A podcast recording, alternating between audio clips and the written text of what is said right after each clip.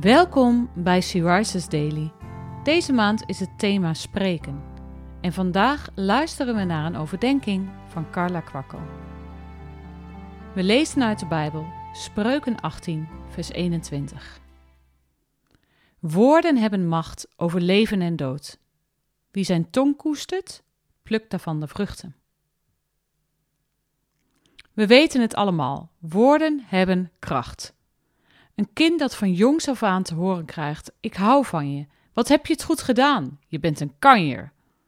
Zal in positieve zin opbloeien. Maar kinderen die altijd het tegenovergestelde horen, kunnen hun leven lang worstelen met een slecht zelfbeeld. Dat je dit niet eens kan zeggen. Wat ben je toch dom bezig? Met jou wordt het nooit wat. Dit soort uitspraken kunnen mensen maken of breken en kunnen relaties volkomen verwoesten, want vaak blijft het niet bij één persoon. Verwonde mensen verwonden ook weer anderen. En nog iets. Pas op met wat je aan negatieve dingen over jezelf zegt. Die kunnen veranderen in een vloek over je leven. Laten we voorzichtig zijn met de dingen die we uitspreken. Spreek leven uit over anderen en over jezelf. Een vriendelijk woord maakt alle verschil.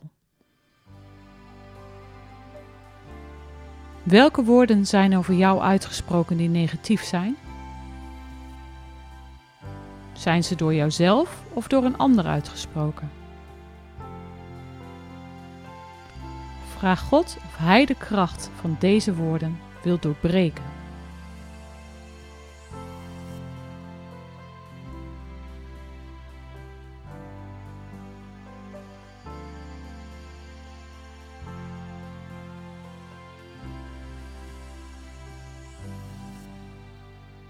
Zullen we samen bidden? Ik bid u, Heer, dat alles wat ik zeg met mijn mond en denk in mijn hart naar uw wil mag zijn. Heer, u bent mijn rots en mijn bevrijder. Amen. Je luisterde naar een podcast van Sea Rises.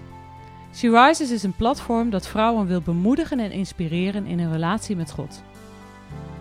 Wij zijn ervan overtuigd dat het Gods verlangen is dat alle vrouwen over de hele wereld Hem leren kennen.